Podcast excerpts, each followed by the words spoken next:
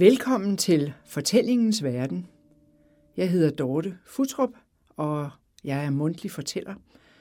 Denne podcast-serie kalder jeg Levende Lydfortælling.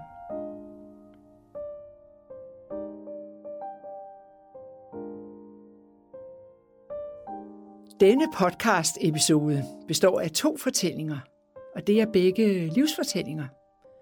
I den første tager jeg lytteren med til paradis. For jeg har nemlig hørt englene synge paradis tur retur. Det hele begyndte i coronatiden, hvor en indre stemme viskede, nu må du i gang, Dorte. Tiden er inde. Tiden til, hvor du skal samle din fars dramatiske livshistorie. Det er ikke for det, for stemmen har ofte været der gennem de mange år, jeg har været fortæller. Men så har jeg afvist, jeg har affejet med begrundelsen af andre opgaver, mangel på tid. I virkeligheden handler det om jagten på den underliggende fortælling. Den skjulte fortælling. Det er noget, jeg kender så godt fra dengang, jeg arbejdede med den norske forfatter Jan Kjærstads romantrilogi om tv-manden Jonas Værgeland. Den podcast, der hedder Forførerens hustru. Deri optræder Jonas Værgelands farfar. Han hed Omar Hansen, og øh, han fortalte drengen historie. Han havde fortalt, så at sige, barnet på plads i livet. Men farfaren slutter ofte en fortælling, øh, hvor han sådan misser lidt med øjnene, og så siger han til Jonas, min dreng, du skal vide, at enhver fortælling, ligegyldigt hvor god den er, altid er en bleg afglans af en, der er endnu bedre. Så for mig, ja, der handler den underliggende fortælling om min far, der døde for mere end 40 år siden. Da Danmark lukkede ned, begyndte en omfattende research i breve, effekter, papirer og arkiv for at finde brikker til puslespillet om hans liv. Men snart gik det op for mig, at min fars historie ikke kunne adskilles fra min mors historie. Den fortælling er jo også min, nemlig mit liv som ene barn, hvor treklangen far, mor, Dorte udgjorde en stærk og næsten ubrydelig kraft. Min arbejdstitel til dette værk er Slangerne i skabet. Så research, notat, skrivning blev en voldsom proces, hvor jeg blev virvlet rundt i en følelsesmæssig centrifuge. Så undervejs konstaterede jeg en smule hjerteflimmer. Nå, men pyt, det er jo ikke unormalt med en smule forstyrrelse af hjerterytmen, når man er oppe i 70'erne. Men øh, dagen efter præsentation af det forløbige livsmateriale for mine to døtre ville hjerteflimmeren ingen ende tage. Babu, babu, babu, afsted til sygehus. Ro igen, fuldt af adskillige undersøgelser og endelig kontrol på Frederiksberg Hospital – og det endte med, at en ung læge under konsultation høfligt og myndigt sagde til mig, de er en god kandidat til ablation. Hvad har? De er en god kandidat til ablation for atriflimmer. Se, ablation, det er et operativt indgreb, hvor et kateter føres fra lysken gennem venerne til hjertets forkammer med udtrykket god kandidat hentydede lægen til, at jeg, altså ja, bortset fra atriflimmer, ellers var sund og rask. Så kom dagen for ablationen, som skulle udføres på Gentofte Hospital. Nogle uger forinden var jeg telefonisk blevet kontaktet om en anden behandlingsmetode, hvor lægerne ville benytte et helt nyt princip i stedet for den tidligere brænding eller frysning. Øh, vil du det? Spurgte stemmen i telefonen. Jeg lyttede til noget om, hvordan man sådan i få sekunder kunne frembringe et kraftigt højspændingsfelt, ja, som skulle ødelægge den del af vævet, der forstyrrer hjerterytmen. Og det var altså en dokumenteret mildere behandling end den gamle metode. Hmm, ja, for eller imod. Jeg har accepteret. Og jeg mødte op klokken 7 om morgenen på hospitalet til en time barbering og en lille beroligende pille. Og derefter omklædning til sigt hospitalstøj med hvide underbukser i størrelse 48, lange beige operationsstrømper i bomuld og dertil en forvasket hvid skjorte. Så trissede jeg i den mundering efter en portør, som viste mig vej til operationsstuen. Og en stor smilende overlæge modtog mig med et fast håndtryk og oplyste med stolthed i stemmen. Det er, det er mig, der skal operere efter den nye metode. Du er nummer 12 i Danmark. Omkring ham hilste et større personale velkommen i sterile kitler, masker, hovedbeklædning. Og så fik jeg hjælp til at kravle op på sådan ja, noget hårdt operationsleje, og underbukserne blev hjulpet af, og skjorten knappet op, og så skulle jeg indtage noget, der mindede om en Kristusstilling. Med et var der hænder over alt på min krop. Min højre lyske blev vasket med desinficerende væsker og sterile stykker plastik lagt både her og der. Pludselig dukker en trold op på venstre side mellem min overarm og mit nøgne bryst.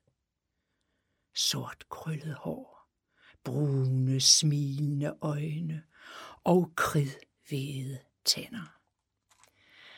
Jeg er narkoselægen. Det er min opgave at sende dig afsted. Du kan jo undervejs tænke på hvide sandstrande og et azurblåt hav.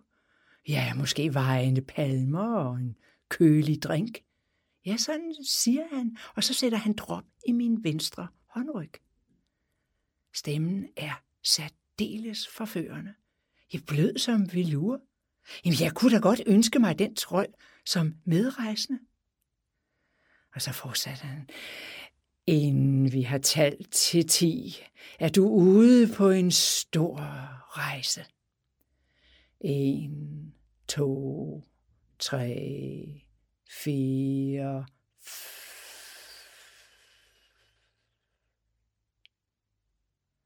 Hvad må der skete i de følgende to og en halv time? Ja, noget ved jeg for et kor af hvidklædte skikkelser omkransede mig. De sang sidste strofe af Jakob Knudsens store salme. Se, der stiger solen af hav på ny. Alle dødens skygger for evig fly. O for sejrs jubel, for salig lyst. Lyset stander stille på livets kyst. Dorte? Dorte? kaldte en stemme langt fra. Der opdagede jeg en sygeplejerske stå ved den hospitalseng, som jeg nu lå i. Hun kærtegnede min hånd. Øh, hvor, hvor, hvor er koret? spurgte jeg. Koret? Ja, koret er hvidklædte sanger. Hun rynkede panden og så forundret ud. Jamen, jamen, jeg hørte det lige så tydeligt. De sang, se, der stiger solen, og har alle dødens skygger for evigt fly. Eller, eller det var måske bare en, en radio, der spillede. Sygeplejersken, ja, hun smilede overbærende. Og så sagde hun, operationen er gået godt. Trolden, narkoselægen, ja, ham så jeg desværre ikke mere til. Men stor tak til ham for at sende mig tur-retur til paradis. For nu har jeg en lille anelse om, hvordan englene synger. Og hjertet, Tak. Det er nu i balance. Så jeg fortsætter ufortrødent arbejdet med erindringsfortællingen Slangerne i skabet.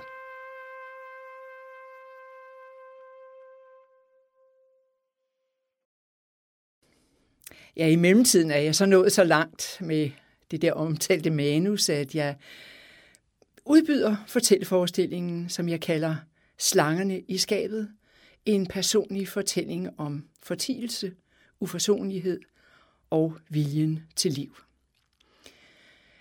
Jeg har lagt den på min hjemmeside, og der er præsentationen sådan her.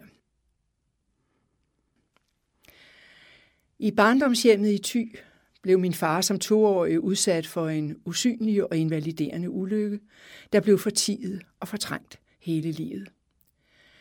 Med base i Roskilde skabte han med storslået talent, flid og viljestyrke et internationalt erhvervseventyr i 60'erne og 70'erne. En utrættelig og generøs kæmper, som blev udsat for familiestrid og misundelse, storhed og fald. Han døde som 61-årig.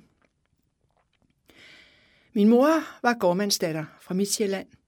En stolt og smuk kvinde, der som 12-årig tillagde sig en usømmelig kortårsfrisyr og gennem hele sit 87-årige liv kæmpede mod stereotype roller. Alligevel tilpassede hun sig opgaven som medhjælpende hustru, med rejser til alle verdens kontinenter, utallige timer i køkkenet og ved en sygeseng på Rigshospitalet. Som ene barn jeg på fortielsens og uforsonlighedens afmagt. Midt i livet begyndte jeg at opbygge et livsværk som mundtlig fortæller, for at overleve.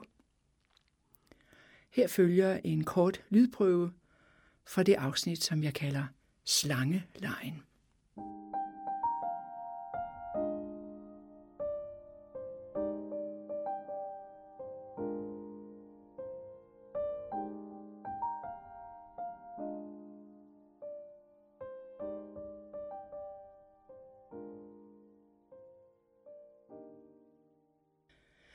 Som barn legede jeg med slanger.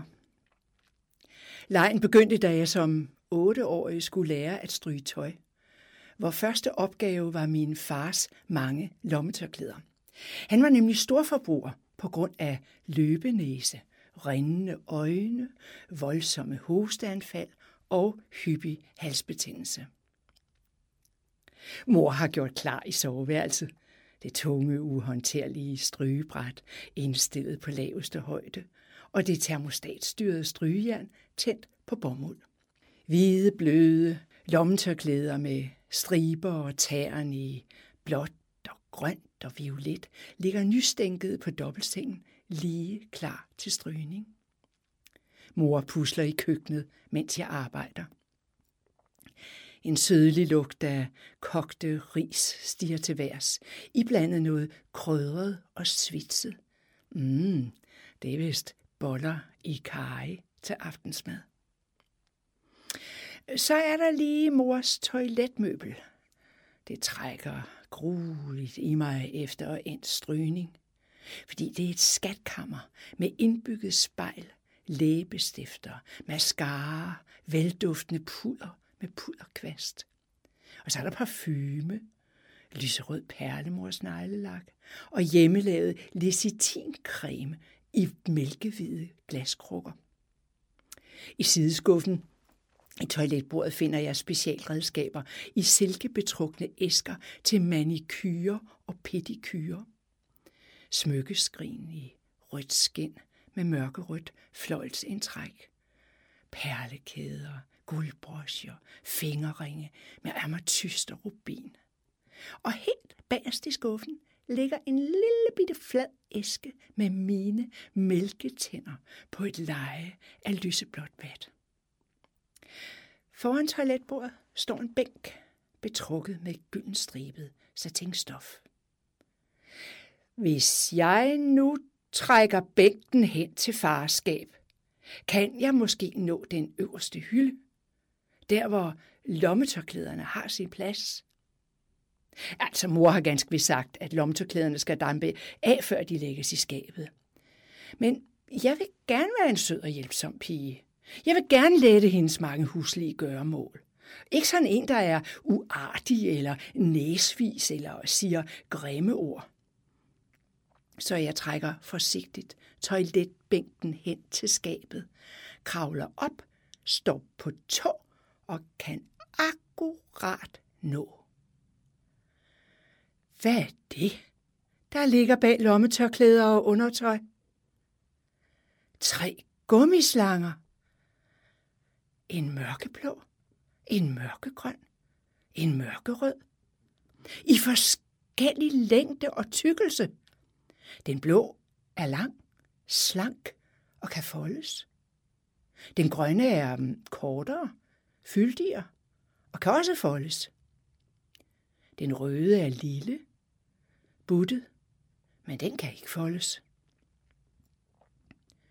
Pludselig lyder mors trin på trappen. Roder du i din fars skab? Dorte dog, vil du så komme væk. Jeg stivner og forsikrer grødkvælt. Jamen, jeg, jamen, jeg så ikke noget. På æresord, jeg så ikke noget. I de følgende år leger jeg i smug med slangerne. Det er en hemmelig og forbudt leg, hvor mine anelser om fars handicap omsættes til skuespil. Den blå slange er faren, den grønne moren, og den røde slange er pigen, der i rette sættes. Sid pænt ved bordet. Ikke tale med mad i munden. Nu har du igen spild på din pæne kjole. Nu skal du tage dit forklæde på. Den blå slange afbryder de gentagende formaninger med en drilsk latter. Skal jeg slå dig i ludo efter aftensmad? Men pludselig ruller den blå slange sig gurhullende sammen, som om den er ved at blive kvalt. Den raller og hoster i et væk. Stine til... Og den grønne slange siger opgivende. Åh nej, nu ikke igen. Jeg har jo gjort mig sådan umage med maden. Den blå slange gemmer sig i skabet. Fortsætter med at hoste, lave bræklyde og pusse næse. Da anfaldet er overstået, titter den frem. Den grønne slange stiller det sædvanlige spørgsmål. Skal jeg varme din mad? Nej tak, jeg er ikke længere sulten. Jeg danser med slangerne, når jeg er i godt humør. Tre lodne aber med nøgle i ryggen sørger for akkompagnement på banjo, bækken og tromme. Det er en gave fra far, som på en forretningsrejse til Heidelberg har købt en type legetøj, som han kalder for Nürnberg-blikkram. Det er snortop, en mekanisk dukke, og så de tre musikalske aber. Når far er bortrejst, er slangerne også væk. Så bor de i hans kuffert.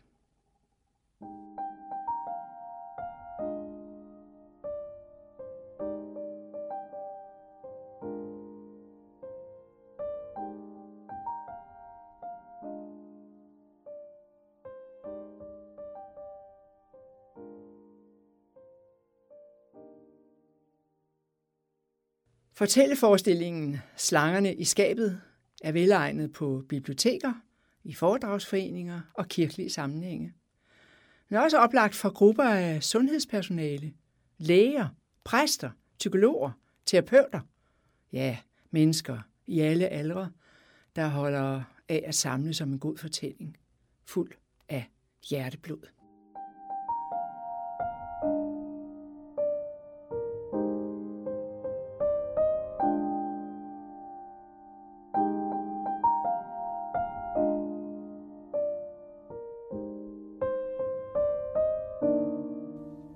Har lyttet til Levende Lydfortælling med mig, Dorte Futrup. Tak fordi du lyttede med.